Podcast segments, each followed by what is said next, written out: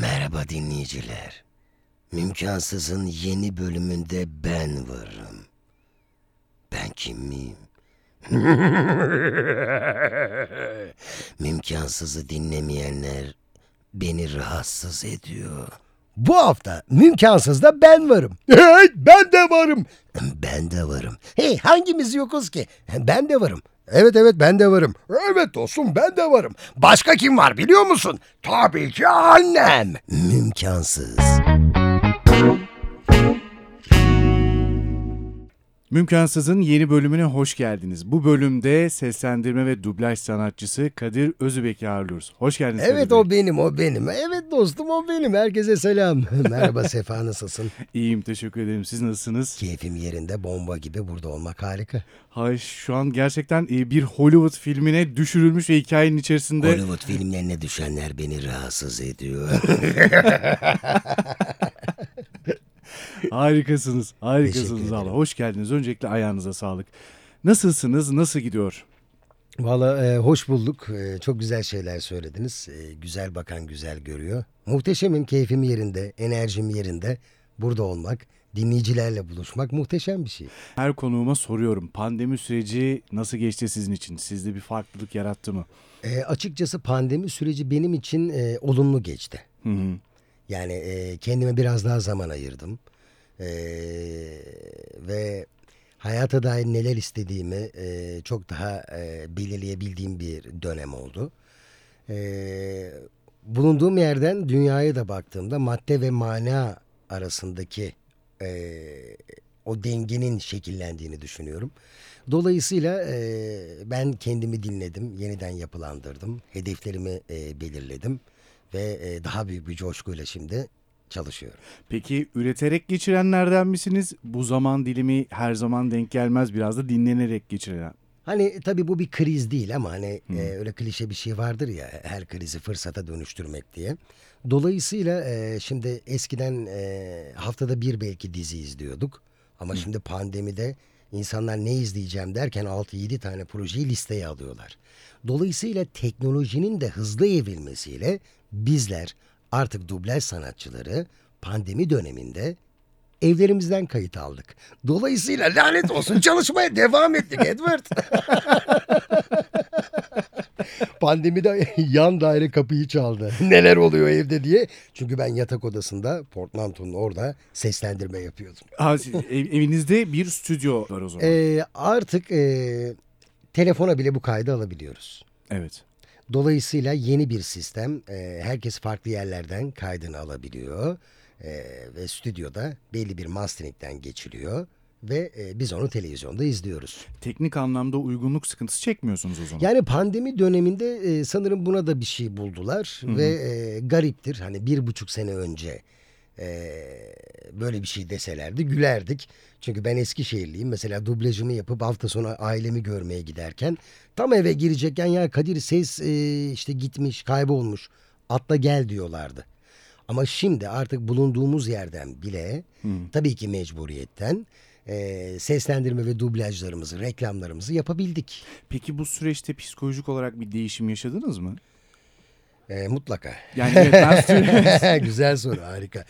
E, yaşadım tabii ki yani dediğim gibi hani az önce dedim ya bu madde ve mana. Evet. E, yani izledim durdum hayata baktım insanlara baktım. E, aynı zamanda tabii ki eğitimler ara ara devam etti. Yeni insanlarla hedefi olan insanlarla zaman geçirdim.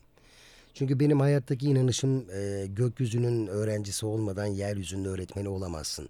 Dolayısıyla her anın insanı geliştirdiğine inanıyorum. Dolayısıyla anda olan her şeyde hayır vardır. Evet. Ben de e, kendi öğretimi alıp yararlı güzel şeyler yapmaya çalışıyorum. Üreterek ve çalışarak Evet. geçti o zaman Fazlasıyla, pandemi süreci. fazlasıyla. Gelmiş geçmiş olsun hepimiz için. hepimiz için, hepimiz için. Peki ben sıfırdan hikayeyi öğrenmek istiyorum. Kadir Özübek kimdir? Nerede doğdu? Nerede büyüdü? Nerede yaşadı? Kadir Özübek Eskişehirli. Ee, Türkiye'nin aslında ilk özel radyocularından. 12-13 yaşında benim radyoculuk yaşamım başladı. Ee, Eskişehir'de uzun yıllar e, radyo programları yaptım. 96-97 yıllarında İstanbul'a geldim. Tabii ki o zaman e, ulusal radyoculuk. Herkesin kalbi İstanbul'da atıyor. 97 yılında İstanbul'a geldim. Ee, ilk ulusal radyoda yayınım başladı. Ee, uzun yıllar ulusal radyolarda e, gece şiir programları yaptım ben. Ee, tabii ki zaman değişti. İşte format yayıncılığı geldi. Ee, bizim programımız içerikli bir programdı. Ben de mikrofon başında yıllardır e, sesimle hayatımı kazanırken sesimle daha neler yapabilirim düşüncesine aslında e, evrildim. E, radyoda tabii reklam da seslendiriyordum. Biraz alışkındım da olaya. Ve 1997 yılında e, hatırlıyorum İstanbul'da Ok Meydan'da, Ok Meydanı'nda bir dublaj stüdyosuna gittim. Ve maceram öyle başladı. Peki 12-13 yaş aslında bunun için çok erken diye düşünüyorum. O radyoculuğa başlama Eskişehir'deki yaşım, İstanbul'a gelip dublaj iş- e, yaşım 17-18. İşte yani mikrofonla aslında ilk temas radyoculukta. 12 yaşında. 12 yaşında. 92 Aralık. Bu hem çok büyük bir şans hem de Evet. çok büyük bir sorumluluk. yani o yaşlarda bunun altından kalkabilmek de önemli bir mesele Peki bence. lanet olsun dostum. Bunun e, biraz daha ayrıntılarına girmemi ister misin? Evet, Nasıl evet. olur? Biraz biraz oradaki Pekala hikaye. itiraf ediyorum, itiraf ediyorum. Konu şu. Evimizin yanına bir radyocu, radyo açıldı. Eskişehir'de o yıllarda Genç Radyo diye bir radyoydu. Yok artık. Ye- yerel bir radyo. Yerel bir radyoydu. Ee, şimdi e, dinlediğimiz birçok e, üstad oradaydı. Ben de oraya çok yakın oturuyordum. Biraz da teknikle aram iyidir. Ee, gece radyo programı yapıyordu arkadaşlar, abiler. Sonrasında ben de şarkı geçişi yapıyordum. Yani konuşmam yasaktı. Ama ben bir gece, iki gece, üç gece yani işte o albüm kapakları, mikserden, pottan, ışıklar aman Allah'ım yani büyüleniyorsun. İçimden bir ses konuş, konuş diyor ama senin öyle bir hakkın yok. Ve dayanamadım konuştum. Ertesi gün beni çağırdılar. Kadir sen dün konuştun mu falan. Ne dedin dedi. Ben de radyonun ismiyle kendime has bir slogan üretmiştim. Bu onların hoşuna gitmiş. Kadir hemen radyo yayınına başlıyorsun dediler. Ben inanılmaz mutlu oldum ama hafta sonu 9-11 çocuk programı dediler. Lanet olsun dedim istifayı bastım ve başka bir radyoda gece ay ışığına başladım. Yani aslında zorla konuştum. Yani o aslında kendi fırsatınızı kendiniz yaratmışsınız orada. Evet. Değil evet. mi? İşte o yüzden anda olmak güzel bir şey. Hissettiğim şeyi yaptım. Peki o karar yani şöyle de bir durum var aslında orada. O kadar çok istediğiniz yani mikrofonla konuşmak istiyorum Evet. dediğiniz anda fırsat ayağınıza gelmiş. Bir fırsatı tepmişsiniz. Bambaşka yepyeni bir fırsata geçmişsiniz. Yani hem risk almışsınız. Risk sizi başarı, başarıya da götürmüş Risk aslında. alınmalı zaten. Evet. Peki Kesinlikle. peki o korku olmadı mı hiç ya ben buradaki program programı da kaybedebilirim. Ya ayağıma böyle bir fırsat geldi. Ya orada işte ufak sevimli çocuktum. Ee, aslında o bir programında yoktu. Aslında hani o zaman deklerle yapıyorduk ya yayınları. Yani yayın durursa hani şuna bas. Aslında e, durumum buydu ama ben hani bu işi mesele ettim bir programcı gibi. Ee, ve aslında çok güzel söyledin. Ee, kendi fırsatımı kendim yaratmış Evet. oldum. Hayaller de orada mı başladı yoksa e, daha ilerleyen süreçte İkinci radyoda başladı. Çünkü orada gece istediğim programı yapıyordum. Yaşımdan büyük konuşabiliyordum. E, sesim de aslında yaşımdan büyük. Yani çok enteresan bir şey. Gece şiir programı yapıyorum ama hani anlattığım seneler 96. evet. Hani şöyle bir anons düşünsene. Bin yılın geleneksel sevgi ritimleri yüreğimi aşk sarayına çevirdi. Geceye yakışan soluklar, destansı anlatım ve çok daha fazlası. Ya 16 yaşındasın. Gündüz radyoya dinleyiciler geliyor. Buyurun diyorum Kadir Bey'le görüşebilir miyiz diyorlar. Buyurun diyorum. Tabii onlar bir Kenan Işık bekliyorlar. Çünkü sesle görüntüyü asla eşleştiremiyorlar değil mi? Kesinlikle 16 yaşında bö- böyle bir ses. Şey oluyor mu hep yani evet bu sesi duyuyorum çok büyüleyici çok güzel ama yani sizi görünce sanki sizin sesiniz değilmiş Sen gibi. yüzüme yüzüme vurma lanet olsun dostum evet. Yani bunu yaşadım. Yani Kadir Bey'le görüşebilir miyiz dediler çok yüzüme.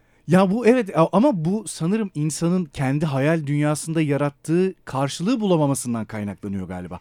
O sesi her birimiz başka bir bedene Evet. oturtuyoruz galiba. Öyle Kesinlikle. düşünüyorum. Yani o yıllarda tabii çok da gizemliydi. Hatırla internet yok değil mi? Evet, Yani evet. radyo çok gizemli bir şeydi o zaman. Ee, sonra ikinci radyomda gece şiir programları yaptım. Sonra işte İstanbul'a uzandı o hikaye.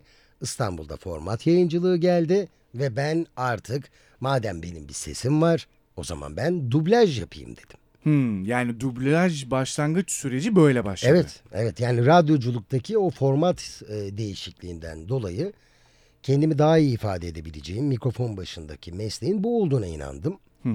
Ee, o günü dün gibi hatırlıyorum bu arada. Nasıldı bir Stüdyodan içeri girdim. Aman Allah'ım. O radyolardan, sinemalardan, tiyatrolardan tanıdığım aktör ve aktrislerin sesleri büyüleyici. Dizlerim titriyor. inanılır gibi değil. Ama baktım ki olay aslında sesle ilgili değil. Şöyle bir sahne hatırlıyorum. İçeride Nüvit Candaner, Talat Bulut var. Tabii biz o dönem tulum kayıt alıyoruz. Yani şimdi tek başına giriyorsun Evet, stüdyoya ve kendi kendine konuşuyorsun. Ama o zaman o sahnedeki tüm arkadaşlarımız bir aradayız. Sayfa 27'de bir repliğim var. Tabii üstadlar öyle bir konuşuyor ki ben de tabii onları dinleye dinleye eridim. Sıra bana geldi. Yaklaştım mikrofona ve onlardan o kadar etkilenmişim ki onlar çünkü şöyle ah, lanet olsun Jackie sesler aman Allah'ım. Yaklaştım mikrofona ve dedim ki tek bir repliğim var. Kralın emri var. Bizim de sesimiz var der. Yönetmen bastı ne yapıyorsun dedi ne yapıyorsun ekrana bak. Ekrana bir baktım. Ekranda benim adam dört nala gidiyor. At arabasıyla asker dur diyor ve benim orada ne demem lazım işte. Kralın emri var deyip geçmem lazım. O gün anladım ki aslında dublajın sesle hiçbir alakası yok. Yani dublaj önce duymayla başlıyormuş. E, o gün başladı işte e, çok uzun yıllar olmuş değil mi? evet, Yarım 20 asıra 25 sene 25 sene 25 olmuş. sene dediniz evet. e, hala mikrofon başında e, birçok karakteri e, sözlendiriyoruz efendim. Peki Kadir Bey geldiniz stüdyoya gittiniz. Sizi kimse tanımıyor. Kadir Bey diye biri var. Sesi güzel, işte ses rengi güzel ya da tonlamaları, vurgulamaları güzel. Piyasada henüz sizi kimse bilmiyor. Piyasada henüz sizi kimse bilmiyorken nasıl girdiniz orada? Nasıl e, kendinizi kabul ettirdiniz piyasaya? Dünyanın bütün gücü bir araya gelse kaderi değiştiremez Jonathan. evet güzel bir soru. Ee, şöyle söyleyeyim. Yani şimdi bakınca ben de aslında ee, çok net bir şey söyleyemem ama ee, ben sinema filmlerinde o afişlerdeki repliklere bayılırım. Az önce söylediğim de aslında Godfather'ın afiş repliğiydi. Ee, bir şey olacaksa zaten oluyor. Ben buna inanıyorum. Ee, ama ben çok keyif alıyordum bundan. Yani açık konuşayım hiçbir zaman dublaj sanatçısı olmayı düşünmedim. Hmm. Yani çünkü Eskişehir'den buraya gelmişim. Belirli bir ekonomimi e, sağlamam gerekiyor. Evet. Benim gönlümde yatan şey sinema. Yazayım, çekeyim. Ama dublajı da işte harçlığımı kazanayım. İstanbul'da hayatımı bir şekilde idame ettireyim diye yaptığım bir meslekti. E, çok eğlendim. Meslek beni çok sevdi. Doğru zamanda e, doğru kaslara seçildim. E, ve işte bugünler oldu. Yani sanırım oradaki kader aslında hani gayrete aşıktır dediğimiz yer Evet. var ya. Sanırım oradaki gayret kaderin de çizgisini değiştiriyor galiba. geldi aklıma. Çok güzel söyledin değil mi? Kaderde olanlar yaşanacak. Günlükler tutulacak. Yani bir şey olacaksa Evet. oluyor. Ee, anda yararlı olmak, o ana hazır olmak. Ee, zaten hayat böyle değil mi yani? Anda değil mi? İnsanın kendi çabasından başka bir şey yok. O lise ve üniversite yıllarında işte tiyatroyla bir birliktelik var mıydı? Sosyal etkinliklerde yer alıyor muydunuz? Buradaki süreç nasıl? Yani o lise yıllarında, üniversite yıllarında bulunuyor muydunuz sesin dışında oyunculuk kısmıyla da? Ee, Çünkü oyunculuk yapıyorsunuz aslında mikrofonda. Evet şöyle söyleyeyim. Ee, ben hani doğuştan yeteneğe ya da öyle ses güzelliğine inanan biri değilim. Bunları çok göreceli buluyorum. Yani bir konu hakkında belirli mesai e, yaptığında zaten o konuyla ilgili oluyorsun. Ve her sanat ve zanaat dalının da ilgiyle alakalı olduğuna inanıyorum. Dolayısıyla e, bence her ses parmak izi gibidir, biriciktir ve kişiye özeldir. Ama bu bir enstrüman olarak biz bunu kullanıyoruz, değil mi? Evet. Dolayısıyla bunun da bir eğitimden geçmesi gerekiyor. Evet yani bundan e, belki bir 30 sene önce güzellik uzmanlığı desek şaşırırdık. E şimdi bir seslendirme dublaj eğitimi de bizi şaşırtıyor. Ama olay buraya geliyor. Bu bir enstrümansa biz bu enstrümanı iyi bir şekilde hazırlamalıyız. İyi bir Türkçe'ye sahip olmalıyız. Yani ben Türk'üm, Türkçe konuşuyorum diye dublaj yapamayız. Tabii o başka bir şey. Ama iyi Türkçe konuşmalıyız. Yani biz buna ne diyoruz? Diksiyon. Değil mi? Çünkü ben Konyalıysam o K'ler G olur. İzmirli olabilirim. Beş üniversite bitirmiş olabilirim. Her gün iki kitap okuyor olabilirim. Ama biraz eğlendiğimde ne olur? Seviyorum, geliyorum, yapıyorum. Değil mi? Evet. evet ya da işte değişir. İç Anadolu bölgesindeysem ya Sefa Bey önemli değiller, önemli değil olur. Öncelikle bunları toparlayıp diksiyonla temel Türkçe yani e, o İstanbul Türkçesi dediğimiz kıvama geliyoruz. Hemen ardından işimizdeki en önemli şey belki de artikülasyon. Şimdi ilkokul yıllarına döndüğümüzde e, öğretmenlerimizin bizi böyle ritimli bir şekilde, hızlı bir şekilde alfabeye adapte ettiğini görürüz. Sesli sessiz harfleri biliriz ama bu sırada ağız yapımızın ne olduğunu bilmeyiz. Ee, anlaşılır ve tane tane konuşabilmek için artikülasyon çalışırız. Diksiyonla güzel, artikülasyonla anlaşılır konuşuruz. Peki bunu daha estetik hale getirmek için ne yaparız?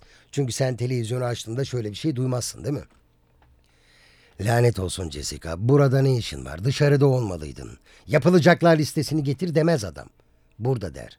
Dışarıda der. Evet. Yapacaksın demez. Yapacaksın der değil mi? Konuşma diliyle de olayı biraz daha estetik hale getiririz. Ardından işimiz çok hızlı. Yani bugün 2'de yayınlanan ya da 2'de kaydını aldığın bir işi akşam 21'de izleyebiliyorsun artık. Dolayısıyla düşün. Evet, evet, evet, evet, evet. Hangi evet o anda sana lazım? supleksinin iyi olması Ee, ve en önemlisi metinle duygu kurabilmek. Ee, ve bunun ardında elbette ses. Çünkü ses bir kas.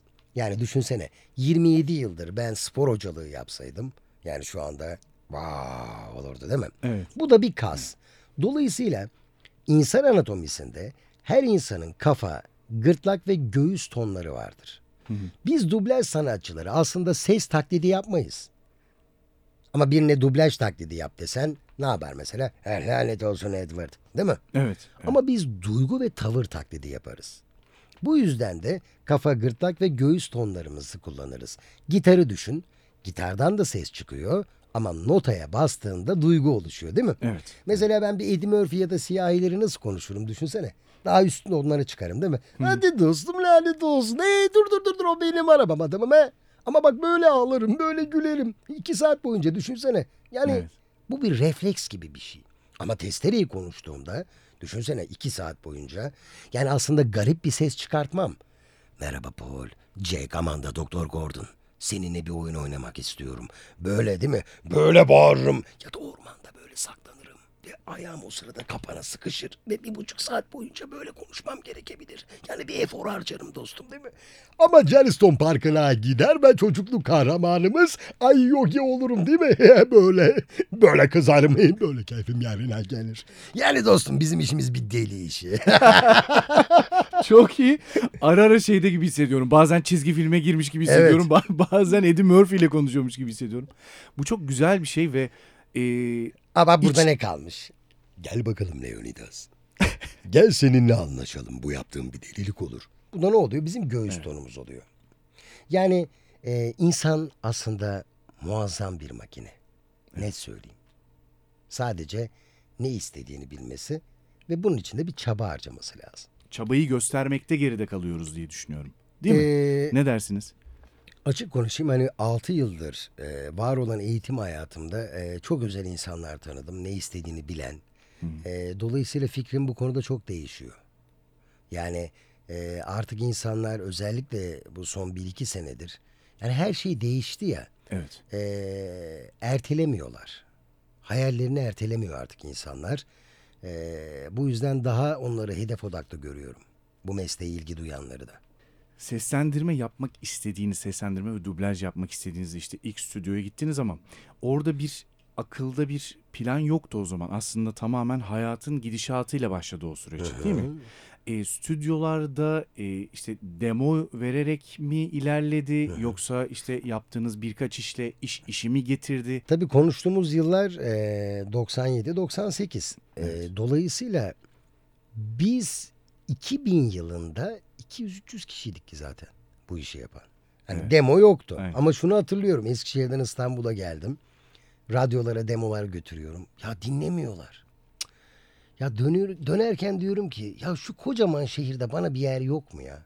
Evet. Bütün radyolara geliyorum, demolarımı dinletiyorum. Hiç kimse bir şey demiyor. Ee, bir an oluyor işte. O an geldiğinde bak şunu çok net hatırlıyorum. Gittiğim o bütün üç radyonun aynı dönem voice over oldum. Ne enteresan değil mi? Evet. Yani o yüzden telaşa gerek yok.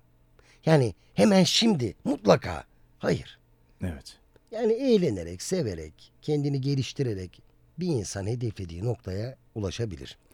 O dönem dublajda demo yoktu. Radyoda vardı kabul. Ee, dolayısıyla işte bu şey oluyor. Ya o zaman şu numara vardı mesela işte. Ee, ne yapıyorsun? E gel oğlum dublaja götüreyim seni falan. Bunlar vardı. Ya da işte çocuk tiyatrosu yapıyoruz. Hadi dekorları toplayın bakalım ilk rolü kime yazacağım. Böyle abilerimiz, eşimiz, dostumuz vardı. Ama ilk stüdyoya gittiğimde evet ben de kimseyi tanımıyordum. Güvendiğim tek şey sesimdi. Onun da e, az önceki hikayede anlattım. E, işte bir şey olacak ya. E, gittim. izledim tabii ki biraz. Ha, şeyleri yaşadım. Yani bekliyorum orada kimse çağırmıyor. Hayda. Aslında bu işin figüranlığı kısmını. İşte ona da kimse çağırmıyor. Bekliyorum orada. Hani bir gir falan diyen yok. Arada sinirleniyorum böyle iş mi olur? Çıkıp gidiyorum arayan soran yok. Tekrar geri dönüyorum acaba kimse fark etmemiş. Yani bunları yaşadık tabii. Bunlar Evet. yaşanmadan olmuyor. Ama tabii öyle bir gün geldi ki öyle bir rol konuştum ki eee, orada daha uzun rolde onlar da benim demek ki işte bu konuya olan ilgimi gördüler. Memnun kaldılar ve o gün bugündür e, stüdyodan hiç çıkmadım. Hele ki son 4 yıl öncesine kadar açık konuşayım günde 18 parça 24 parça işler alıyordum. Yani toplam 6-7 stüdyoya aynı gün gittiğimi hatırlıyorum. Biz çok yoğun dublaj yapıyorduk Sefa. Yani inanılır gibi değil. Bayağı fabrikasyon gibi. Yani Dublaj sabah yapıyorlar. 10'da bir giriyorduk. Saat 6'da çıkıyorduk. Akşam saat 11 gibi bir giriyorduk. Gece 2-3'te çıkıyorduk. Çok yoğun dublaj yaptık. Yani özellikle bunu 2002 ve e, 2012-2013 senelerinde yani Ciddi günde diyorsun, 90 on yıl. kilometre yol yapıyordum ben stüdyolar arasında. Oo, e tabii bir içeride de fiziksel bir performans var zaten. Ama zaten heveslisin, gençsin. Hani koşuyorsun, yapayım, oradan oraya gideyim. Yani ben hep eğlendim açıkçası. Eğlendiğiniz için hiç çalışmış gibi de Hiç, hissetmemişsinizdir. hiç, hiç, hiç, Değil mi? hiç, hiç, hiç. Büyük bir lütuf olarak görüyorum bunları. Bence de. Bence yok gerçek gerçekten öyle bu arada. Ben Kadir Özbek markası oldum ya da ben gerçekten şu an işimi ilerlettiğimi ilk defa fark ettim dediğiniz bir an var mı? Yani ben evet bu sektörle alakalı çalıştım, çabaladım, bir şeyleri ilerlettim ve ilk defa galiba bir şeyleri başarıyorum ya herhalde dediğiniz bir an var mı? Evet. Güzel bir soru. Ee, ben de samimi bir şekilde bunu açıklamak isterim. Hani böyle bir marka ya da işi bu işi yapıyorum. ee, böyle bir şeyim yok. Hani ee, iddiam açıkçası yok. Hı. Ama ee, hani o çocukken radyodayken de mikrofonu açtığımda ben hep kendime inanıyordum. Yani İçeriden bir E, yerden tabii. biliyordunuz. e, tabii inanıyordum ama hayatı okumayı öğrendik. Sistemi okumayı öğrendik. Ee, herkes bir şekilde görevini yapıyor. Hani bireysel çalışmak, değil mi? Bir kurumda çalışmak. O ayrı şeyler. Ee, ben yaptığımdan eğleniyordum ama tabii ki 12-13 yaşından beri hayatımı sadece bu işten kazanıyor olmak zaten beni çok ufak yaşta profesyonel yaptı. Evet. Ama tabii ki hoşuma giden şeyler oldu. Nedir işte e, mesleğin içinde Walt Disney'in sesi seçilmem. e, onun Türkiye sesi olmam evet. Ya da işte e, bir TEDx konuşmasına davet edilmek. Evet bunlar e, mesleki anlamda beni onore eden şeyler oldu. Ama hiçbir şekilde duygumu e, değiştirmedi. Çünkü bir de Anadolu'dan e, yani dışarıdan bu şehre geldiğinde aslında ne istediğini çok daha net biliyorsun. Ben de o zaman e, açıkçası çevremdeki pozitif ya da ne- negatif duygulardan etkilenmemeyi kendime başta söylemiştim. Benim bir hedefim var. Bunun için çok çalışıyorum ama çok çalışıyorum. Yani günde 17 saat, 18 saat kesinlikle çalışıyorum. Ee, dolayısıyla da işte şekilleniyor. O yüzden işte buradayız birlikte. Bizi davet ettiniz. Ne mutlu. Bunları sizin onaylıyor olmanız aslında keyifli. Şöyle düşünüyorum ben. Ben üstad ağırladığım için çok da memnunum ve her söylediğiniz cümleden de bir şey öğreniyorum. Bu benim için çok katkısı pozitif olan bir şey ve şunu günde 17-18 saat çalıştım dediniz. Gerçekten bir hayal için, bir hedef için çok ciddi emek süresi. Biraz kolay algılanıyor ya. Bir de çok bilmiyorum siz ne düşünüyorsunuz ama çok fazla bu anlamda motive edici cümleler kuruyoruz ama motivasyon bana biraz marş motoru gibi geliyor. Arabayı sadece çalıştırıyor ve Evet. çıktığında araba ilerlemiyor. Yani gaza basmıyoruz sürekli ve düzenli diye düşünüyorum. O yüzden 17 saat bence işte oradaki disiplin. Ne dersiniz? O disiplini tutturabilmek mesele. Bence o istek, o disiplini de sağlıyor diye düşünüyorum. Muazzam anlattın kesinlikle. Az önce de dedik ya eğlenmek diye. Ee, açık söyleyeyim e, ben bundan çok keyif alıyorum. Yani Aslında çocuksu bir yerden oynuyor gibisiniz gibi hissediyorum ben. Yani çocuk bir yerden aslında Evet, oyun oynuyor evet, gibi. Kesinlikle, kesinlikle. Yani konuşmayı seviyorum, anlatmayı seviyorum. Ee, işim de renkli. Beni açık söyleyeyim dinamik tutuyor. Yani her dakika başka bir karakter olmak. Ee, dublajla başlayan maceranın başka noktalara gelmesi ve e, hayalin olan bir işe hizmet etmek ve bunun ilklerinden olmak. Dolayısıyla benim için çok gururlu. Ben ve e, bana inanan e, inanılmaz bir kadroyla e, geleceğin dublaj sanatçılarını inşa ediyoruz. O yüzden çok anlamlı. Şunu soracağım internette de çok söylemişler yazmışlar. Sanki size de sürekli dublaj yapılıyormuş gibi yazmışlar. E, hiç inandıramadığınız hayır gerçekten benim sesim dediğiniz böyle enteresan bir hikaye var mı? Ya şey e, mesela e, işte bir birileriyle tanışıyoruz. Sonra e, birkaç arkadaş masadan kalkıyor. Biz baş başa kalıyoruz. Ya abi normal sesinle konuş. Nasıl yani? yani normal sesinle konuş diyen çok oluyor. Ama e, aslında bu sadece sanmıyorum benimle ilgili olsun. Yani bu meslek çok illüzyon bir şey. Evet. Yani çünkü şimdi düşünsene e, Jimmy Fox'u, Ray Charles'ı izliyorsun. Yani önemli bir film. E orada bu ses sana aşina oluyor. Ve bilinçaltına yerleşiyor. Ve e, onu tanıyorsun gibi hissediyorsun. Dolayısıyla ben insanların e, seslerimizi tanıması ve çok sevmesini e, açıkçası artık e, normal buluyorum. Bir de şey gibi gelmiyor mu Kadir Bey? Yani aslında Amerikan dublaj diyor Hı. deniliyor buna ama seslendirenler Türk ve Türkçe seslendiriyorlar. Ee, ama insanların algısında kalan şey o sesi duyduklarında evet ben bir Amerikan filmi izliyorum algısı. Neden böyle? Evet yani bu tarz duyuyoruz mesela. Nedir işte Al Pacino'yu konuşan ses başka bir aktörü konuşuyor. Aa, Al Pacino onu konuşuyor diyor. Yani E, evet bu da e, var. o karakterle özdeşleştiriyor onu. E, bu biraz şeyle ilgili bence. E, 92 yılında özel televizyonların 90'lı yıllarda açılması. O dönemler işte Betacam VHS, VCD, DVD değil mi? Evet, evet.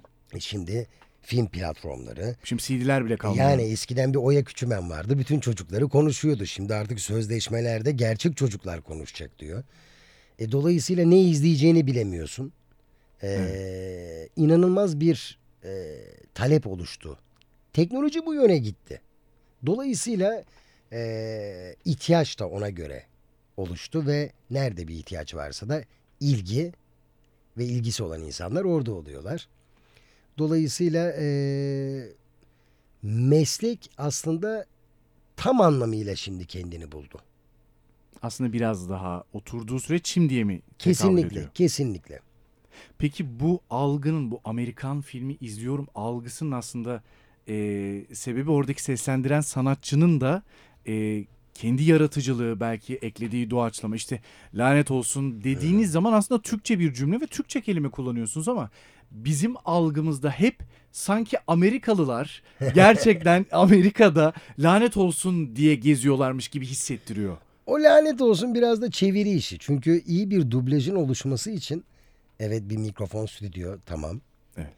Bir dublaj sanatçısı eyvallah ama iyi bir çevirmen de olması lazım. Dolayısıyla işte biliyorsun onu hep farklı çeviriyorlar. Klişe sözcükler oluyor. Ee, bu yüzden de bizler bunları söylemek durumunda kalıyoruz. Bu da böyle bir klişe haline geliyor. Yani koca bir nesil ben işte lise zamanlarımı falan hatırlıyorum. Ee, herkes birbirlerine lanet olsun zenci falan. Senin burada ne işin var falan. Böyle şeyler söyleyip eğleniyorduk. Evet. Hatta ben şey hatırlarım onu da soracağım size. Sever misiniz? Don LaFontaine. Evet, oo. Ee, fragman Man. seslendirmesi. One Desire. Evet rahmetli. Yani çocukken e, böyle şeylerini sinemaya özellikle onun fragman sesini dinlemeye falan giderdik. Muazzam.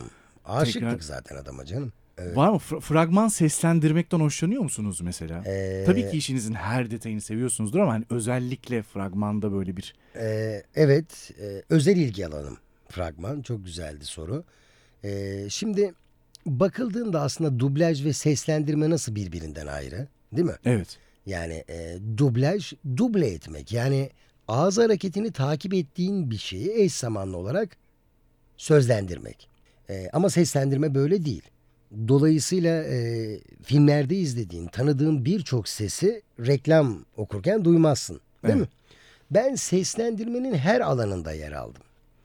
Ya da stüdyolarla çalışırken asla tek bir stüdyoda çalışmadım.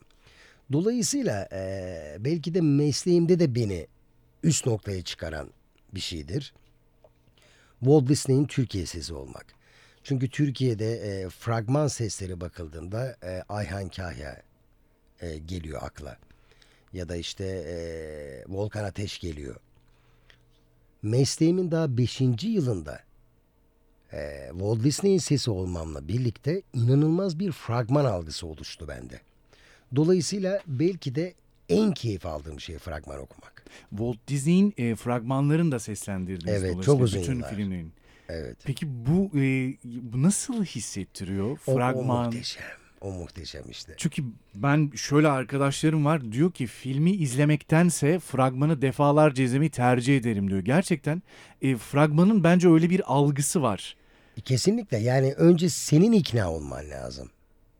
Yani senin heyecanlanman. Senin adeta beklediğin bir şeyi duyuruyor gibi. Dolayısıyla e, ben çok keyif alıyorum açıkçası.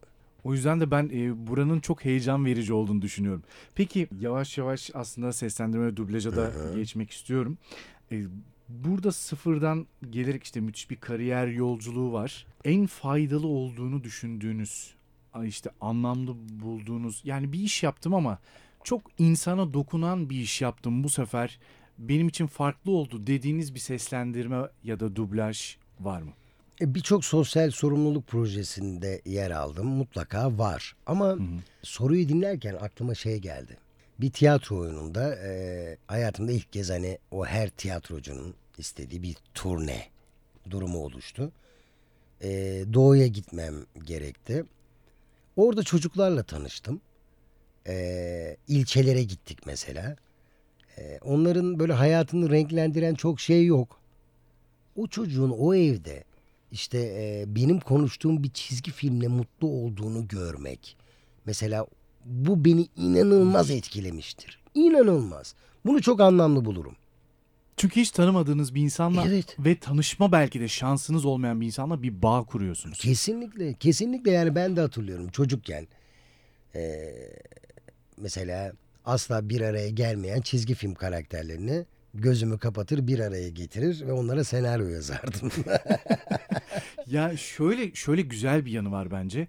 Mesela ben çocukken de biliyorum sizi işte Sungun Babacan, işte Elif Hacıyan, Bir Tanem Candener, Louis Candener. Yani e, bizim aslında çocuklukta televizyonda izlediğimiz hemen hemen her işi seslendiren insanlarsınız ve sizi tanımadan, sizi görmeden, sizi bilmeden size karşı bir e, yakınlık hissediyor insan. evet. O da onu da sesi bu enteresan bir şey değil mi? Bunu özellikle bu son zamanlarda çıkan işte Clubhouse uygulamasıyla da e, çok konuştular. İşte sesle il- il- iletişim kuruyor insanlar ve diğer sosyal platformlara göre çok daha yakın hissediyorlar ve işte çabuk arkadaş olabiliyorlar diye.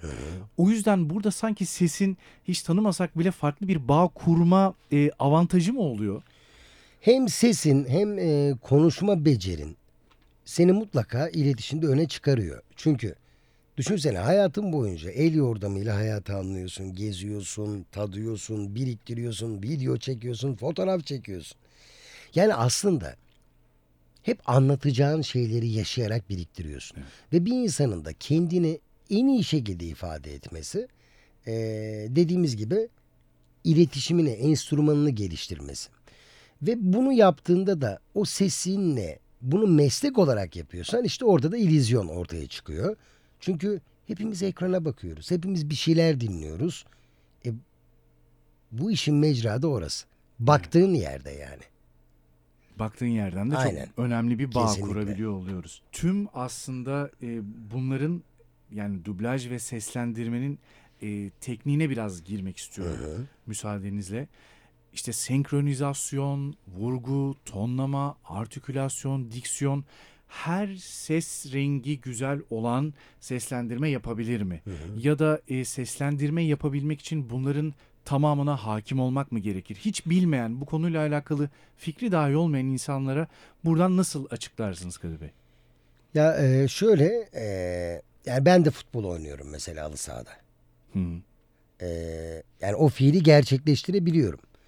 E, ama bunu meslek olarak yapmak için bir takım kriterler mutlaka oluşuyor. Ama temelde bir şey söyleyelim. Çok e, Ümit Yaşar Oğuzcan şiiri gibi. Çok böyle anlaşılır olsun. Örnek veriyorum hani selam kardeş nasılsın iyisin dublaj yapacaktık diyen bir insanın 3 ay 2-3 ay içinde merhaba nasılsınız dublaj yapmak istiyorum demesi mümkün. Çünkü şive, diyalekt, aksan bunlar düzelir. Ama birinde doğuştan bir konuşma bozukluğu varsa e, selam nasılsın pardon bir şey söyleyeceğim gibi halk arasında onun bir şeyi de var biliyorsun. Değişemeyecek durumlarda mı Pelteklik diyorsunuz? mi diyoruz ona? Öyle Evet, bir şey. evet. Yani temelde konuşma bozukluğu olmayan bir insan elbette bu işi potansiyel yapabilecek bir insan olarak görülebilir. Bunun üstüne de işte ilgi, alaka ve çalışmak kalıyor. Ya hayatta böyle değil mi? Yani bir sene dershanelere gidiyorsun, dört sene üniversite okuyorsun, elinde diplomanla iş arıyorsun. Evet. E, dolayısıyla e, ilgilisi ne? Yani burada çünkü çünkü şöyle bir şey var. Ee, ses rengi güzel olan seslendirebilir algısı var. İşte orada güzellik Ee, görece. güzellik göreceli işte. Yani hani- Hobbit'i konuşsak düşünsene sen bir rol konuşuyorsun ben Hobbit'i konuşuyoruz hepimiz garip sesler çıkarmalıyız. Yani eee yaptığın ben şunu düşünüyorum eee, do- kendini doğru ifade eden temel Türkçe kurallarına uygun konuşan ve oyunculuk yetisini harekete geçiren. Çünkü en iyi dublaj en iyi taklittir. Aslında kendi onu oynuyor, Evet. tekrar oynuyor olması lazım Tabii değil ki, mi? Tabii Evet. ki. Tabii ki. Hatta hani üstüne hiçbir şey katmaması lazım. Hiçbir şey de eksiltmemesi lazım.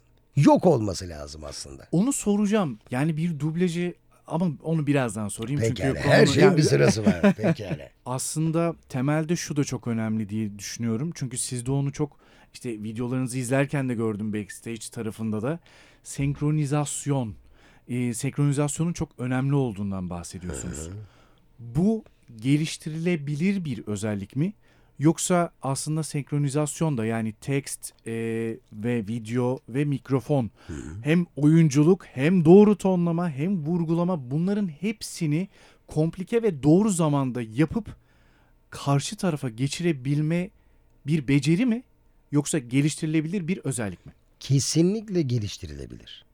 Yani şimdi mesela e, yarışma programlarına bakalım. 10 gün önce gidiyorlar. Bak bunu diyor canlı yayında şöyle şöyle yaparsan başaracaksın. Yani o da ne yapıyor? Her gün onun üstüne bir çalışma yapıyor. E, kesinlikle sadece bu meslekte değil. Bence her şeyde böyle. Yani e, ben cümleye nasıl başladım? Ben hiç dublajcı olmayı düşünmüyordum Evet. dedim. Ama işim sinemaydı ve birbiriyle alakalıydı. Dolayısıyla bir insan neye ilgi duyuyorsa kendini o konuda geliştirebilir. O yüzden gazetelerde görüyoruz değil mi? İşte 55 yaşında spora başladı, işte vücut geliştirmede şu Yaptı, oldu evet. gibi gibi. Ee, sadece insan bazen ee, gardı düşüyor hayatta ve erteliyor ya da vazgeçebiliyor. Yani ben de şunu düşünüyorum. Ben eğer bir şey istiyorsam yani yoksa e, bir şeyden canım yandığında, bir şeyde mutsuz olduğumda bir daha onları yaşamazdım değil mi? Evet. Ama öyle değil. Hayatta aynı şeyler yaparak farklı sonuçlar bekleyemeyeceğimiz için e, ne istediğimizi çok net bilip ve bunun için de e, aslında ekstra bir şeye hizmet ediyor gibi değil. Kendimize hizmet ediyor gibi bizi mutlu eden şeye ulaşmamız lazım. Bu da bir disiplinle alakalı bir şey. Peki burada senkronizasyon yapa yapa gelişen bir şey mi yoksa siz bununla alakalı bir özel çaba sarf ettiniz mi? Yani aslında bir dublaj sanatçısı. Ben örnek vereyim. Ee, dublaj yaparken çok senkronu umursamam. Garip gelmesin. Yani tabii ki önemli. Ama senkrondan benim için önemli olan Ve belki de bu kadar işte bir televizyonu açtığında 10 projenin 7'sinde 8'inde beni duymanın nedeni o karakter olmaya çalışırım. Yani o karakterle aynı anda nefes alırım senkronu oturtmak için. İlk repliği kesinlikle ezberlerim, ekrana bakarım ve karakterin ağzına oturturum onu. Otomatikman bir fermuar gibi aslında işin yüzde ellisini orada Bitirmiş oluyorsunuz. bitirmiş oluyorum. Karakterle aynı anda nefes alıp veriyorum. İlk repliği karakterin ağzına söylüyorum ve ne duyuyorsam yapmam. yaparım. Duyduğumu eş zamanlı olarak eee, Yani kulak dinliyor. evet Göz tekste bakıyor. evet e, videoya bakıyor. Hı hı, çok komplike. Aynı zamanda ezber yapıyor. Yani ezber e, akıl Yani- karıştırmasın. Sadece yani örnek veriyorum. Aa, lanet olsun Jessica. Arkadaşlarınla burada mı olmalıydın? Ama Jessica derken ekrana baktım. Hmm. Bu sistem yapa yapa e, tabii ki çevirinin de çok iyi olması lazım. Yani biz özellikle çok yoğun dublaj yaptığım dönemlerde hani kaydı durdurmadan çeviri uzun ata ata gidiyoruz. Ve burada da bir mantık olmalı yani. Ya da e, senkrona çok güzel bir örnek. E, içeride bir arkadaşımız dublaj yapıyor. İşte replikte e, dediklerimi yapmazsan seni başından vururum. Replik bu. Dediklerimi yapmazsan seni başından vururum. Abi biraz yayalım. Bak e, dediklerimi yapmazsan biraz daha yayalım. Dostum sana son kez söylüyorum. Dediklerimi yapmazsan seni başından vururum. Çeviri çünkü çok kısa. İçerideki de bunaldı artık. Bak dostum sana bunu son kez söylüyorum. Beni iyi dinle. Eğer dediklerimi yapmazsan seni başından vururum. Hem de en başından. Deyince de anlam gidiyor. Yani çok senkronu da çok düşünmemesi gerekiyor sanatçının. O zaman şu dublajları görüyoruz. Hatırla. Pekala Jessica. Bugün buradan yayıyor adam. Anladın mı? Asya olmasın diye. Sürekli. Hatta- Dizideki uzun bakışmalar gibi. Aynen öyle. Hatta bununla ilgili güzel bir e, hikaye var. E, hepimizin de çok e, bildiği bir karakter o. Cosby. Bill Cosby. Bill Cosby. Sezai Aydın e, büyük üstad içeride onu konuşuyor. Çeviri kısa yayıyor. Hadi Tom ne adamım ne haber? Aa diyorlar ki çok iyi oldu bu böyle kalsın. Yani normalde adam öyle konuşmuyor. Konuşmuyor ama Evet. öyle bir şey çıkarıyor ki Aynen o öyle. onunla özdeşleşiyor ve karaktere dönüşüyor. Aynen öyle. Şimdi işte çok güzel yerde denk geldi. Az önce soracağım soru buydu. Dublaj yaparken filmdeki karakterin yarattığı karakter içerisinde bir karakter mi çıkarmaya çalışıyorsunuz? Yoksa mikrofonda oynadığınızda kendi karakterinizle bambaşka bir şey mi dönüştürüyorsunuz? Ne çekilmişse onu taklit ediyoruz. Hmm. Yani kendinden bir şey katmıyorum. Animasyon için bu konuşulabilir. Ya da işte bazen böyle çok eğlenceli filmler olur. İşte e, orada mesela siyahi konuşuyorsan ben onu yaparım. Yani Ayı Yogi ile Deniz ve Mehtap şarkısını bile söyledim bakarsan. Ee, evet bunlar için geçerli ama bir sin yani bir filmde onun duygularını hissedip eş zamanlı onu Türkçeleştirmeye çalışıyoruz. Yani ekstra bir şey katmadan ya da "E, bunu böyle konuşayım diye düşünmüyorsun ki. Kulaklığı taktın, karakteri gördün, time code belli ve o akıyor. Ha o karakter sonradan bir Rus ajanı çıkacaksa ya da çok özel işte kötü bir karakterse Evet. sana yönetmen bunu söylüyor. Sen de ne yapıyorsun? Bu ileride Rus ajanı çıkacağı için biraz daha raylarına basarak konuşmaya karar veriyorsun mesela. Anlatabiliyor Hmm. muyum? Metin deşifrasyonu yapıyorsunuz Aynen aslında. öyle ama bu çok nadir bir şey. Her zaman Çok. olan bir durum yani değil. baya baya nadir bir şey. Dolayısıyla bu ya bisiklet kullanmayı öğrenmek gibi biliyor musun? Arkandan hani biri tutuyor böyle ya bırak bırak diyorsun. Bir bakmışsın o çoktan bırakmış. Yani hikaye ben içimizde bunun bir refleks olduğunu düşünüyorum. Ben de aynı şey. Yok yani burada acaba dedim yani karakteri yaratmak isterken siz kendinizden bir şey koyabiliyor musunuz yoksa e, burada size söylenen neyse çizilen çember neyse o çemberin dışına çıkmıyor musunuz? Ee, bir dublaj sanatçısı e, hiçbir şey katmamalı. Hmm. duyduğunu duyduğu Duy- kadar aktı. yapmalı. Yani o adam ağlıyor. Yeterli değil. Ne kadar ağlıyor? Ne kadar işler. Yani ne demek istediğimi anlatabiliyor Anladım. muyum? Bu da otomatikman eee, bu komplike bak müzisyenler bu konuda çok pratikler. Çünkü işimizin temeli birkaç şeyi aynı anda yapabilme becerisi ya. Ee, ben bunu derslerde de anlatıyorum. Yani içeri girdim işte sevgilime öpücük attım ya da diyorlar ya hocam işte bir şey yerken nasıl konuşuyorsun? Bunlar o anda çok düşünülmüyor. Eş zamanlı olarak burada hikaye elinde bir tekst var, bir referansın var, bir time code var ve eş zamanlı artık o başlıyor. Başladıktan sonra akıyor Kesinlikle. kendi içerisinde. Kesinlikle. Fragman seslendirmesinde de e, konuştuk az önce. Fragman işte birçok farklı e, seslendirme süreci var. İşte fragman seslendirmesi, reklam seslendirmesi e, ya da işte bunun dışında e, belgesel bunun gibi seslendirme işlerinde farklı dinamikler var mı? Atıyorum reklam seslendirirken şuna özen gösteriyoruz. e, belgesel seslendirirken buna özen gösteriyoruz gibi gibi farklı dinamikleri var mıdır? Kesinlikle. Çok güzel bir soru. Çünkü reklam seslendirmek çok özel bir şey. Bunu söyleyeyim. Aslında seslendirmenin privası. Dolayısıyla o biraz daha ticari. Yani o reklamın neden yapıldığı belli, saniyesi belli. Senden istenen şeyler çok net. Sat diyor. Bu yüzden de bir insanın önce kendiyle tanışıp okuyacağı şeyi kendine geçirmesi ve önce kendi ikna olması gerekiyor. Ve zamanlamasının, timinginin inanılmaz iyi olması gerekiyor. İnanılmaz bir artikülasyona sahip olması gerekiyor. Çünkü saniye başıya yayın. Evet. Her şey çok hızlanabiliyor. Ee, ama dublajda anlattığımız gibi sana bir yol gösteren var. Ee, hikayeyi biliyorsun. Burada sana kalan ee, dinamik olmak, anda olmak ve başka bir şey düşünmemek. Motosiklet kullanmak gibi bir şey bu. Evet motosiklet kullanmak gibi bir şey. Ee, sana yol gösteren bir şey var. Sen de orada ee, açıkçası belli bir performans sergiliyorsun. Ama reklamda ee, daha çok kişi inisiyatif kullanabiliyor. Çünkü elinde bir tekst var mesela. Evet. Ee, reklamcı da bilmiyor onun nasıl olduğunu. Ve sen girip stüdyoya alternatifler üretmeye başlıyorsun.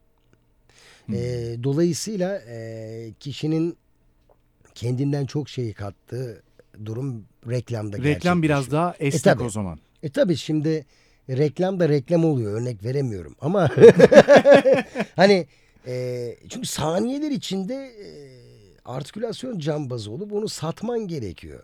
Peki bu tüm bu detayları teknik anlamda tamamladınız. Vurgulama, tonlama, artikülasyon, diksiyon bunların hepsi tamam.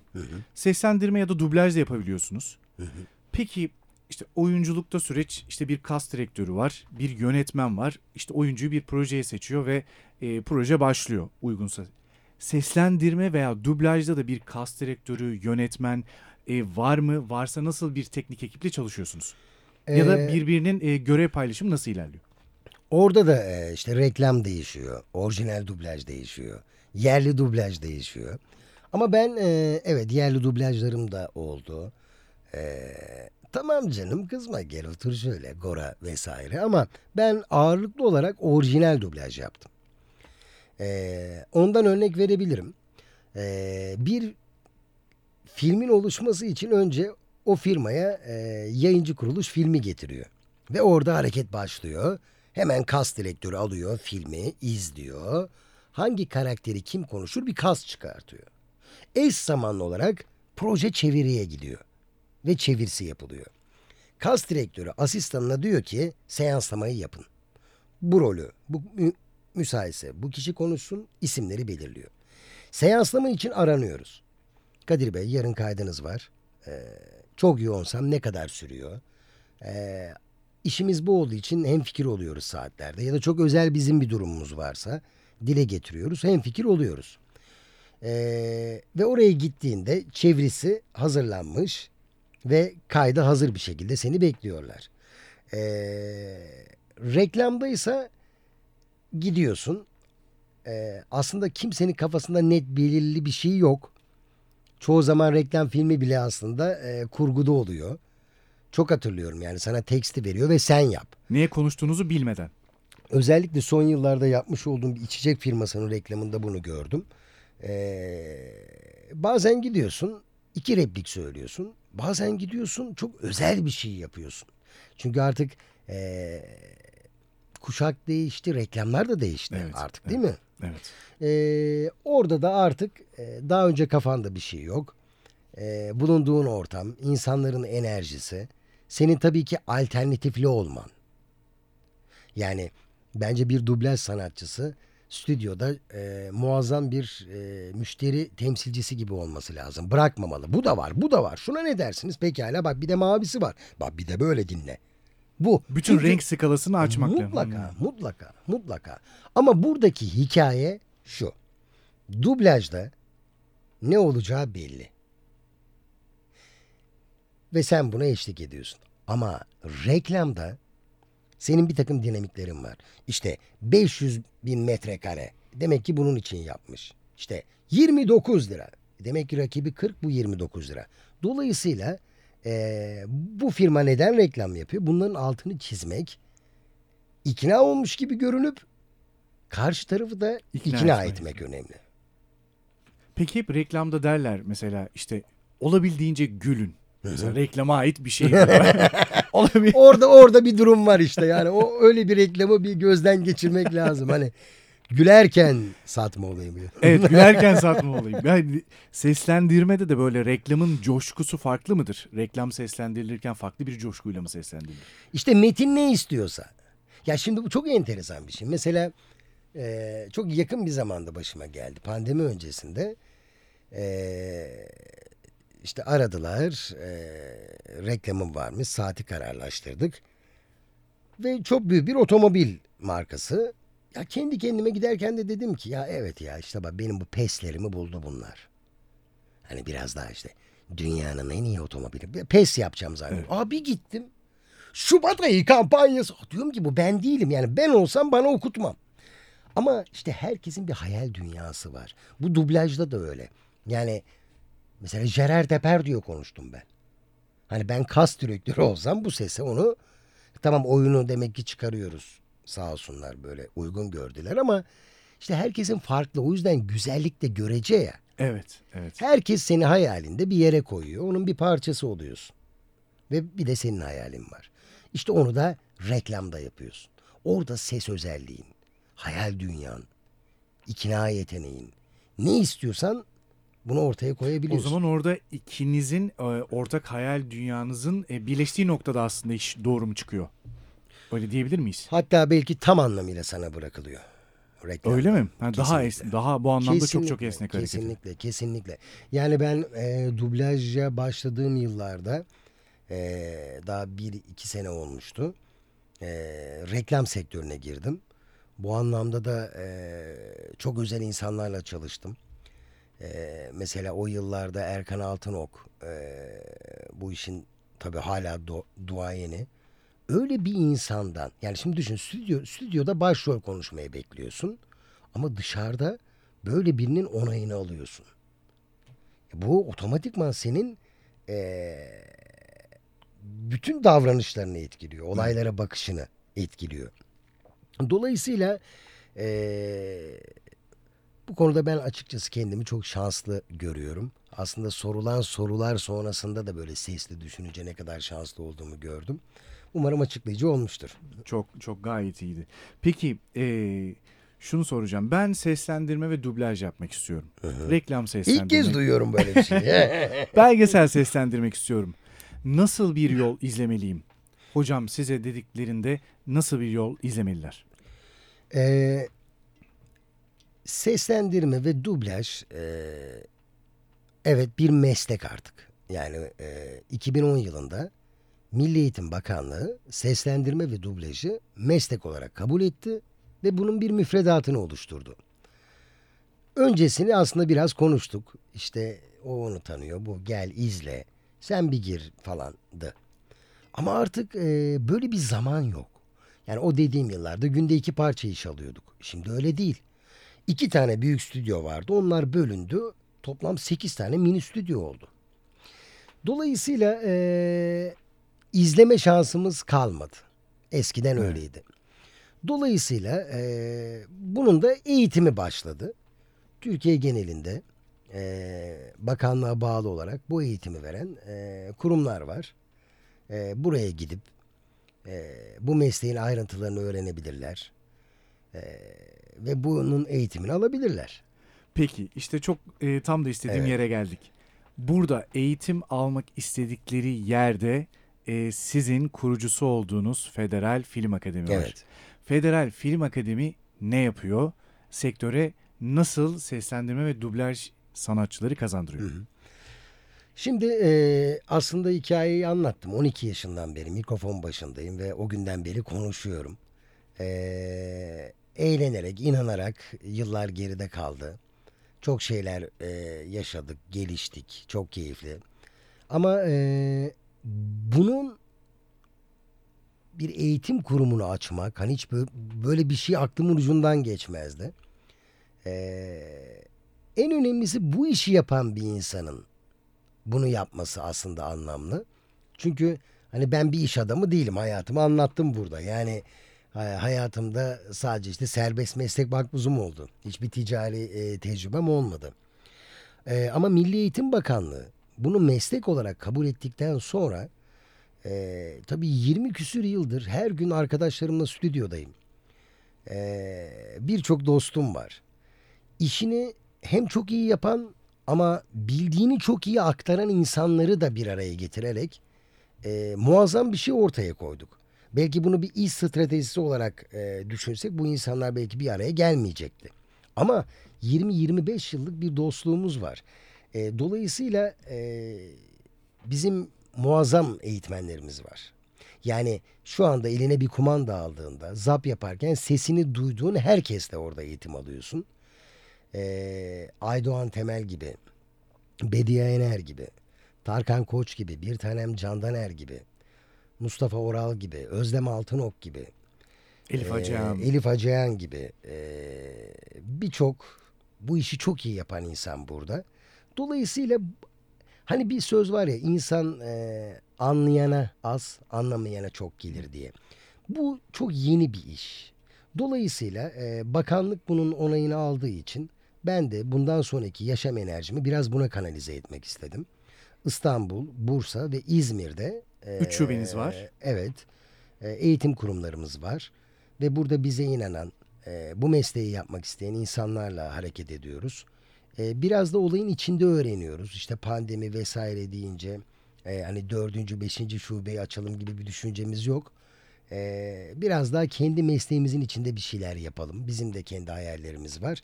Yani zaman ve teknoloji bu meslekle ilgili her şeyi her an değiştiriyor. Adeta bir cep telefonu gibi. Her şey çok hızlı değişiyor.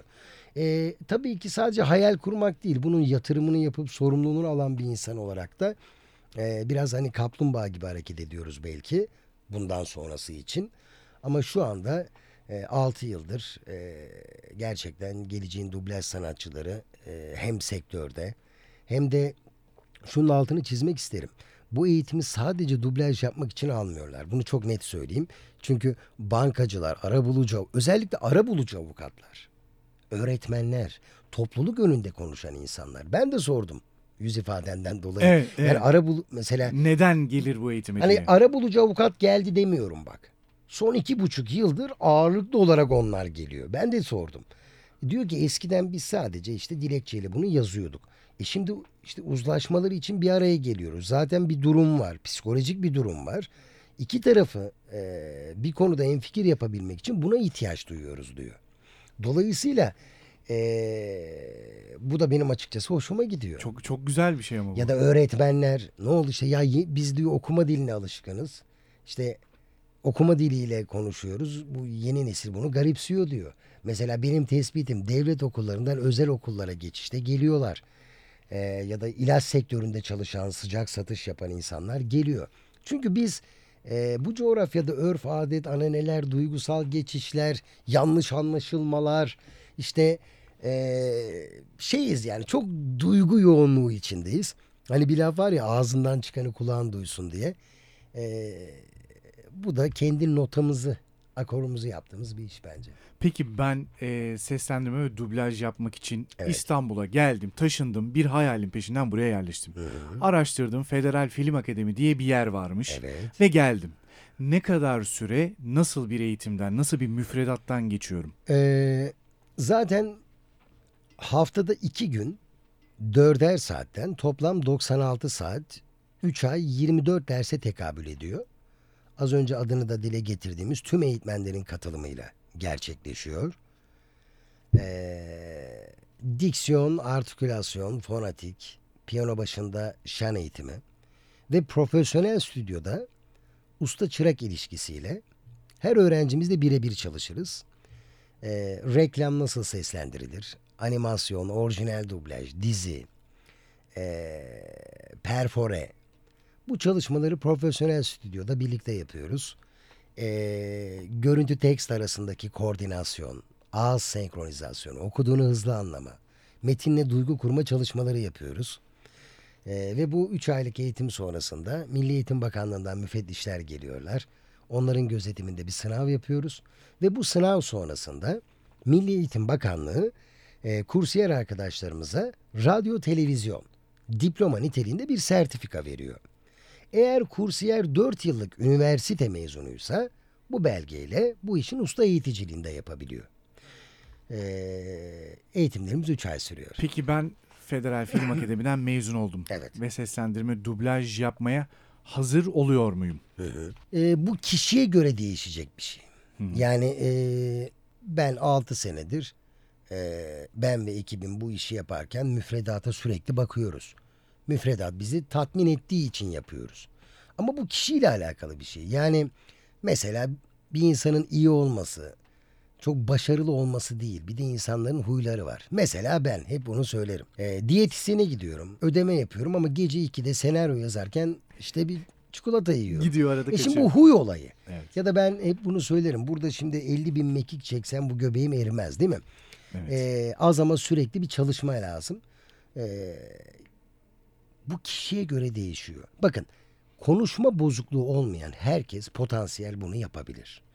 Ee, ama ne kadar zamanda ya da e, hangi şartlarda bu insanın kendi çabasıyla ilgili Çabası. bir şey. Yani ben de anlattım değil mi? Evet. İstanbul'dan dönüyorum ya bir bana mı yer yok. E, o gün vazgeçseydim o zaman bunları konuşmayacaktık. Evet. Dolayısıyla bu insanın kendi çabasıyla ilgili. Ama pandemi döneminde bir buçuk sene içinde çok şey değişti. Yani ben daha cesaretli buluyorum kendimi. Yani eskiden sadece yani şu aslında çok daha baktığında yıllarca stüdyolardasın. Bunun akademini, akademisini açmak nasip oluyor ve yine stüdyolarda dublaj Evet. yapabilirdim. Ama benim daha farklı düşüncelerim var. Bunlar da hayatımıza katılan, yani özellikle biraz İstanbul'un dışına çıkmak. İzmir mesela bana çok iyi geldi. Ee, çünkü çok ufak yaştan beri İstanbul'dasın, koşuşturuyorsun. Ee, İzmir, oradaki insanlar, onların bakışları biraz daha e, açıkçası gelecekte ne yapacağımla ilgili bana çok e, artısı oldu. O bilinçle e, İstanbul-İzmir arası giderken Bursa'yı da oraya kattık. E, şimdi de işte e, artık akademi haricinde e, kendi düşüncelerimiz var. İşte dünyayı, ekonomiyi bunları bekliyoruz. Peki seslendirme ve dublaj sanatçısı eee, sigortası aktör koduyla yatan bir meslek kolu mu? Ya da işte seslendirme Evet, dublaj sanatçı. sanatçısı. Yani resmen Sanatçı. sanatçı koduyla yatan bir meslek olarak tanımlanıyor Ama şu an. şöyle söyleyeyim. Biz dublaj sanatçıları sigortasını kendi yapar. Evet. Maaşı yoktur. Kaşesi vardır. Değil mi? Evet. E, sanatçı olarak geçiyor evet. Sanatçı olarak Evet, geçiyor. bütün o e, imkanlar işte pasaport vesaire bununla ilgili de derneğimiz de var zaten. Peki seslendirme ve dublaj sanatçısı olarak sadece bu mesleği yaparak e, bunu hedefime koydum ve geliştirmeye başladım ve yapmaya başladım. Hayatımı sadece bundan kazanarak geçindirebilir miyim? Çünkü bu biraz tam zamanlı bir iş değil ya. Bazen proje var, bazen proje yok gibi mi oluyor? Kimin hayatı?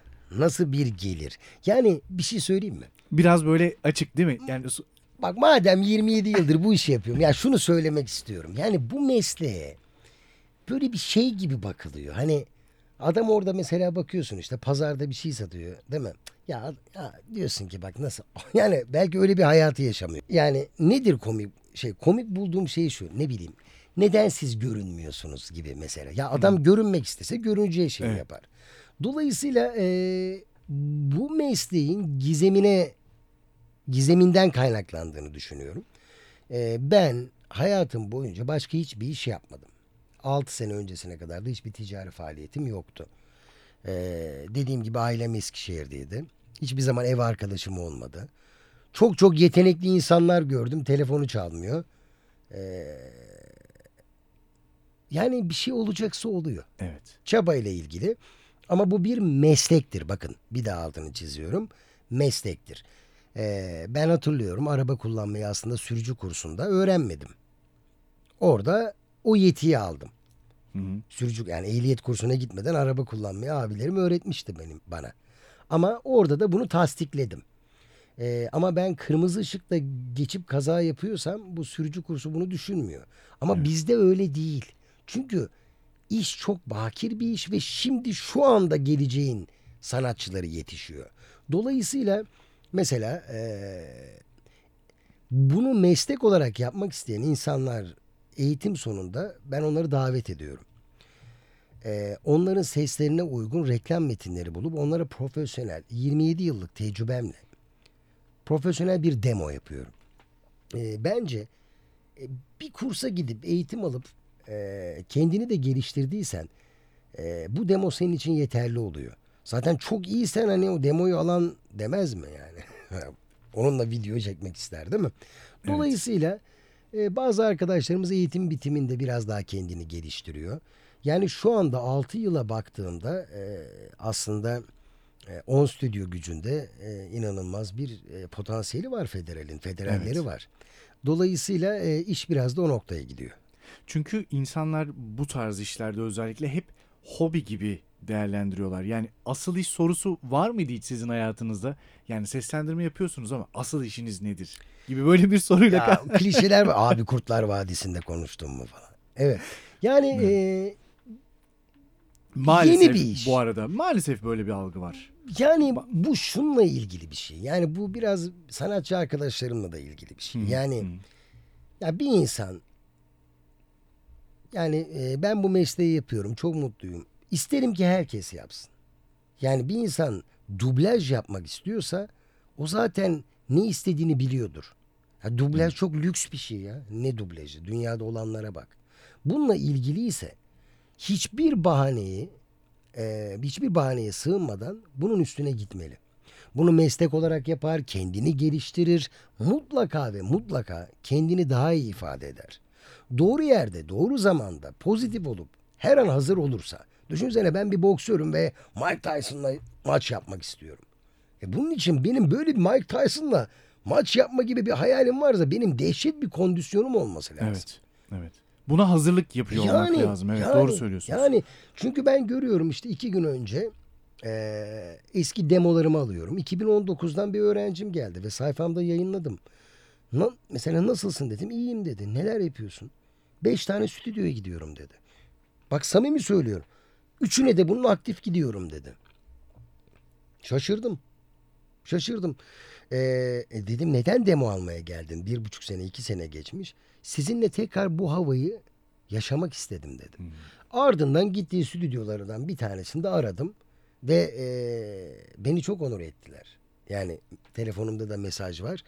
Yani kimi gönderiyorsun? Ya da ben göndermedim bu arada. Evet. Kendi Hı. nasibiyle bunu hareket etmiş. Ee, ama son demo alındığında o kişiyi her anlamda bilgilendiriyorum. Bu biraz da akıl işi.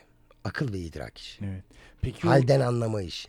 peki o öğrencinin mesela geri dönüşlerinden işte şöyle bir duygu yaşıyorsunuzdur. Yani o öğrenci yetiştirmiş olmak ve sektöre kazandırıp Evet. iş yap nasıl bir duygu? Ee, şimdi aslında e, tabii ki çok anlamlı, çok keyifli bir duygu. Ee, benim biraz daha sorumluluğum farklı bu konuda ama e, görebiliyorum bunu. Ee, mesela pandemide stüdyoya gittim. Çoğumuz evden çalışıyoruz. İçeride üç kişi var ve bir tanesi benim öğrencim. Bu çok güzel. Ama ben onlara açık ve net söyleyeyim. Mesela Aydoğan Hoca, Bediye Hoca evet. Ben evet orada görevleri öğrencilik. Ama Evet. ben hepsini saygı ve sevgi çerçevesi içinde önce arkadaşım olarak görüyorum. Dolayısıyla benim tek bir e, dinamiğim var. Demo alınıncaya kadar ben aynı şeyleri söyler, aynı duyguları hissettiririm. Ve demo bu işin er meydanı. Orada da e, çünkü gelen insan da az yapılan bir iş olduğu için gayri ihtiyari e, bilgi almak istiyor ya da içinde olmak istiyor. E, bunun için de hazır olması gerekiyor. Ben e, onları şimdi meslektaşım olan birçok insan var. Ya da kurumda e, arkadaşlarım söylüyor işte bunları yayınlayalım. Ya diyorum ki yani zaten burada olma amacımız bu değil mi? Evet. Dolayısıyla e, onları duymak, görmek, birlikte konuşmak e, açıkçası tabii beni çok mutlu ediyor ama hani hani öğrencilerim ya çok da böyle çok üstüme almıyorum açıkçası onu. Hı. O yüzden böyle çok büyük bir kadroyla çalışıyorum. Ee, ama onlarla birlikte dublaj yapmak, onları stüdyolarda görmek beni mutlu ediyor ama en mutlu eden şey diğer meslektaşlarımın ya da stüdyo sahibi arkadaşlarımın ya da kas direktörleri kardeşlerim ya da arkadaşlarımın o insanlar hakkında söylediği şeyi duyduğumda yani ne kadar efendi ne kadar dürüst yani gibi bunlar Evet. beni mutlu ediyor. Asıl gerçek geri dönüşler bu anlamda. Yani- Karaktere, efendiliğe dair, Yani çünkü bir yere Evet. kadar bir takım dostluklar biriktiriyorsun ve yeni tanıdığın insanları oraya kanalize ediyorsun. Evet. Yani bu eee, daha önce biriktirdiğin arkadaşların işi de çok önemli. Yani doğru koordinasyonu sağlayabilmek lazım. Bunun için de bir yeterlilik durumu var. Sıkı çalışmadan olmuyor bu iş. Peki bu yetişen öğrenciler işte artan dijital platform sayısı bu anlamda fırsatın arttığını eskiye göre daha şanslı olduklarını düşünüyor musunuz? Yani bence şu an Ne her durumda? konuda öyle. E şimdi eskiden sadece televizyonlar vardı. Evet. VCD'ler, VCD'ler vardı, DVD'ler vardı. Ama şimdi her yerde bir şey izliyoruz. Her yerde gigabaytlar artıyor değil mi? Evet. Yani dolayısıyla ne kadar çok tüketim varsa o kadar da iş oluyor. Şimdi görüyoruz ben hatta bu pandemi döneminde birçok e, platformun dublaja yetişemeyip altyazıyla yayınladığını görüyorum. E, dolayısıyla günümüzde çok daha hızlı adapte oluyorlar. Ama evet bu çok güzel artı ama şöyle bir durum da var. Mesela biz eskiden eee, işte bir replik söylüyordun, ufak bir rol konuşuyordun. Şimdi voice test diye bir şey çıktı. Eee, yani bu işi yeni yapan biri de voice test'te seçilip başrol konuşabiliyor. Bu bir audition gibi mi? Evet. Hmm. Yani artık film platformları şunu diyor. Yani hep aynı sesler, aynı sesler, yeni ses, voice test alalım biz diyor. Dolayısıyla bir insan 6-7 aydır bu işte ilgiliyse ve o teste giriyorsa, sese de oturuyorsa seçilebiliyor. Dolayısıyla bakın ben hep öğrencilerime de bunu söylerim. Her gün yarım saat, bir saat bu işle alakası olmayan bir insanın bu işi yapması mümkün değil. Ya o kadar basit bir Evet. şey olabilir mi? Ama uzaya da gitmiyoruz. Yapılıyor ki yapılıyor. Değil mi? Evet. Dolayısıyla eee, insanın kendi mekanizmasında oluşturması gerekiyor. Eee, zaman buna çok uygun. Yani düşünsene eee, şöyle bir düşün. Sesli kitaplar değil mi? Eee, masaj koltuklarına kadar yani her şey konuşuyor. Evet. Her şey konuşuyor. Gidiyorsun akbil alıyorsun biri konuşuyor. Çocuklarına oyuncak alıyorsun konuşuyor. Sesin olabileceği her Evet. ortam aslında çok fazla var Evet. şu anda. Peki Bu da talep doğuruyor. İşte o yüzden Milli Eğitim Bakanlığı bunu meslek olarak kabul ediyor. Artık e, resmi anlamda bir meslek değil mi? Hukuksal olarak bir meslek kolu olarak yer alıyor şu anda değil mi? evet, evet. Peki bu anlamda e, belirlenmiş bir işte tarife, bir e, haklar yapısı, burada sizin e, uyduğunuz bir işte cetvel gibi bir şey var mı aslında? Yani var. Mesela Hı hı. o şeyde de var. Ben görüyorum. Kuaförlerde de var mesela. Anlatabiliyor muyum? Yani mutlaka mecraya göre değişiyordur, göster- yayınlandı. Var, var. Hı. Bu bireysel iştir. Bireysel diyalogtur. Ben e, hiç mezun ettiğim bir sınıf hatırlamam. Kişi hatırlarım. E, insan kendi kaşesini de belirleyebilir. Evet. Bu ihtiyaçlara göre, duruma göre, insanın potansiyeline göre değişen şeyler. Yani eee, bir arkadaşın ya yolla canım diyorsun. Biri var yani bu işte insanın Anladım. kendi diyaloğuyla ilgili ama tabii ki belirli bir tarifemiz var. Geçtiğimiz yıllara göre günümüzde çok daha iyi ilerliyoruz. Eee, Sercan Gidişoğlu bizim eee, derneğimizin de başkanı. Çok güzel şeyler yapıyorlar. Ee, tabii ki ben hem bir dublaj sanatçısı olarak hem bir e, bunun eğitimini veren bir e, kişi olarak ve sinemayla da ilgilenen bir kişi olarak çok daha komplike bir noktaya gidiyor işim. Dublajsa sadece bunun için açık söyleyeyim. Haftada artık benim için e, 6-7 projeden ibaret kaldı. En çok seslendirirken keyif aldığınız e, seslendirmeden bir kuple, bir dublajdan. Tabii ki annem. Ya kas adama bayılıyorum. Kasadan. Kas adama bayılıyorum. Ee, animasyon çok seviyorum. İşte az önce dedim ya işte yani aslında onu sen çok güzel yakaladın. Doğaç giriyorsa, doğaçlama giriyorsa bir şeyin içine o zaman açıkçası eğleniyor insan. O çok Evet. keyifli bir şey benim için. Bir gün Ayı Yogi'yi seslendiriyorum. Replik e, erken bitti ve orada işte bir şeyler söylüyor, şarkı söylüyor. Ben de orada başladım işte. Deniz ve Mehtap sordular seni neredesin? E, dolayısıyla doğaç olduğunda e, ben eğleniyorum inisiyatif kullandığımda ya da siyahilerde o olur. E çünkü hani ne dedik işte lanet olsun anladın mı ha tamam mı dostum? Yani içeri giren konuşmacının biraz cebinde de replikleri olacak. Evet. Yani alakadar olacağız. Yani konu sadece yani sen bir enstrümansın ama Evet. bir orkestranın içinde çalıyorsun değil mi? Uyumlu da olabilmek lazım. Yani buna psikolojik açıdan da yani insanlar artık yani şey var. Yani hemen çözüm ya da e, oyunculukta da böyle değil mi giriyorsun bir diziye oynadın. İki dönem çok iyi. Altı ay telefonun çalmıyor. Yani işin tabiatını da anlamak lazım. Yani bu işi yapmak istiyorsun. Neden istiyorsun? E zaten sen bunu yapmaya çalışırken istediğin tatmini alacaksın. Ve bu demlenecek. Değil mi? Evet. Ee, bu yüzden sabırlı olmak lazım.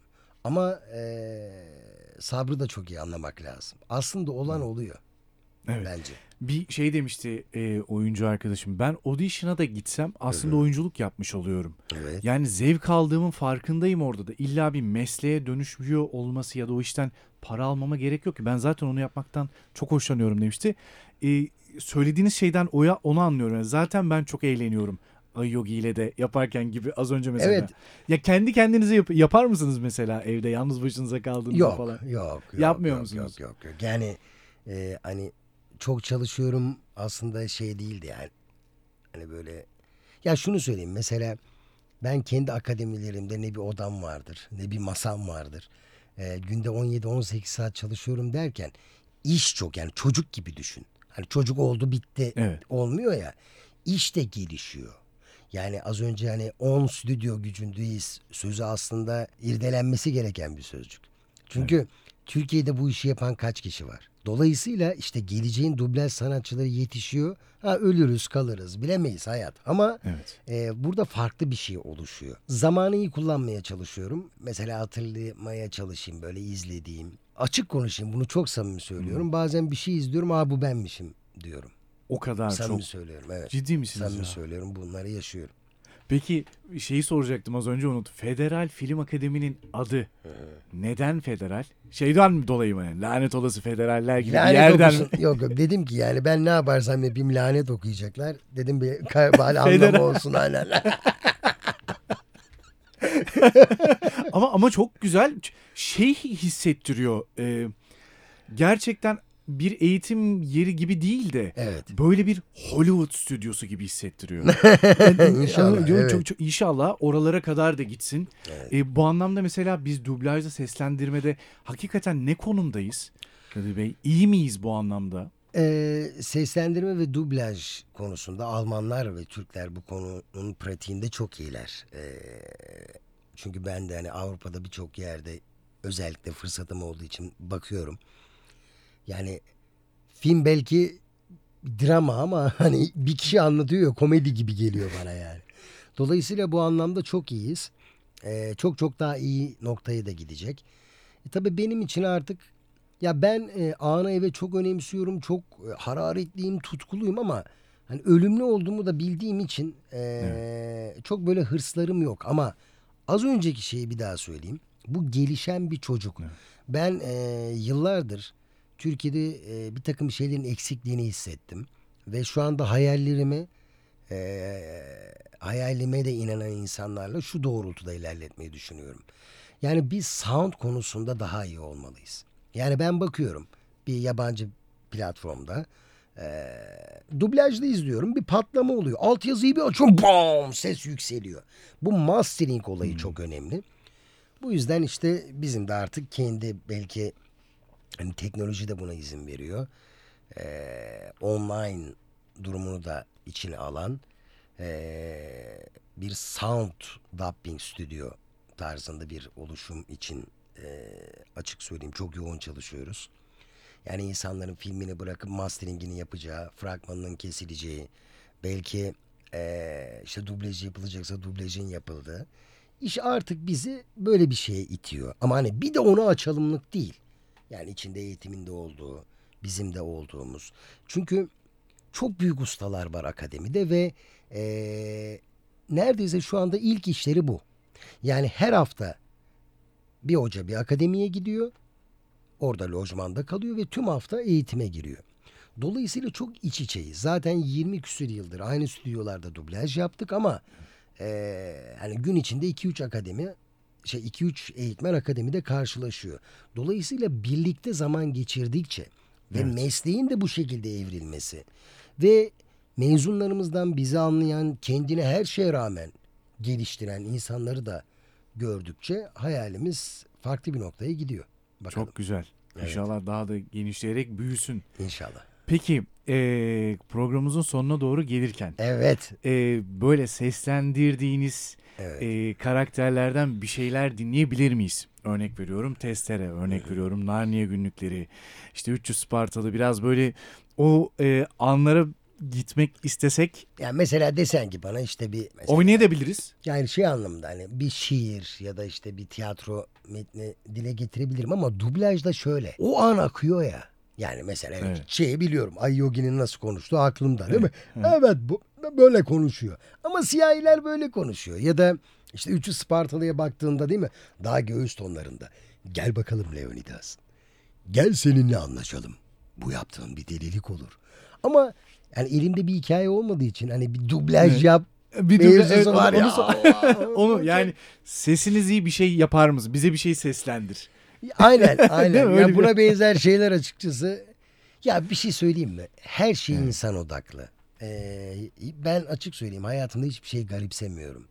Ya da işte bana niye öyle yapıldı. Bö- Böyle bir şey yani e, çoklu bilincim yok. Yani tekli üzerine ilerliyor Hı, hayatım.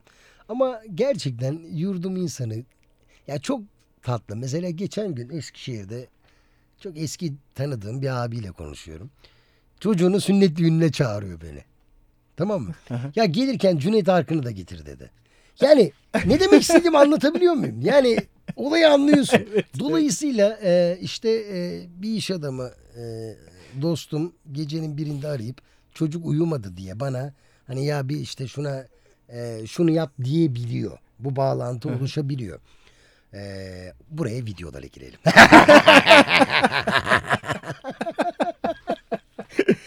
ya da kadirözbek.com.tr Evet. Çok eğlendim. Harika. Çok çok da güzel bir program oldu. Ben çok keyif aldım. Hatta şöyle söyleyeyim yani çok şunun heyecanı da vardı. Belki hissettirdim hissettirmedim bilmiyorum ama küçüklükten beri ben de hep böyle şeyle işte fragman seslendirme falan hep böyle merakım vardı. Şimdi sizi o zamanlardan tanıdığım için böyle karşı karşıya sohbet edebiliyor olmak benim için çok çok kıymetli oldu.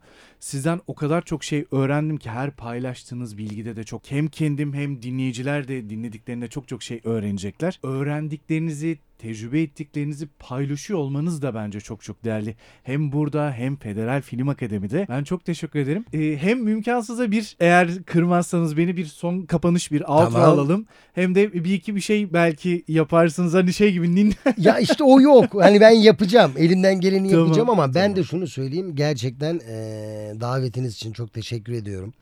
Eee, aslında yayına girmeden önce bir şeyler içerken de konuşmuştuk. Ben de onun üstüne eee, önemli olan aynı dili konuşmak değil, aynı duyguyu paylaşmak Evet. diyeyim.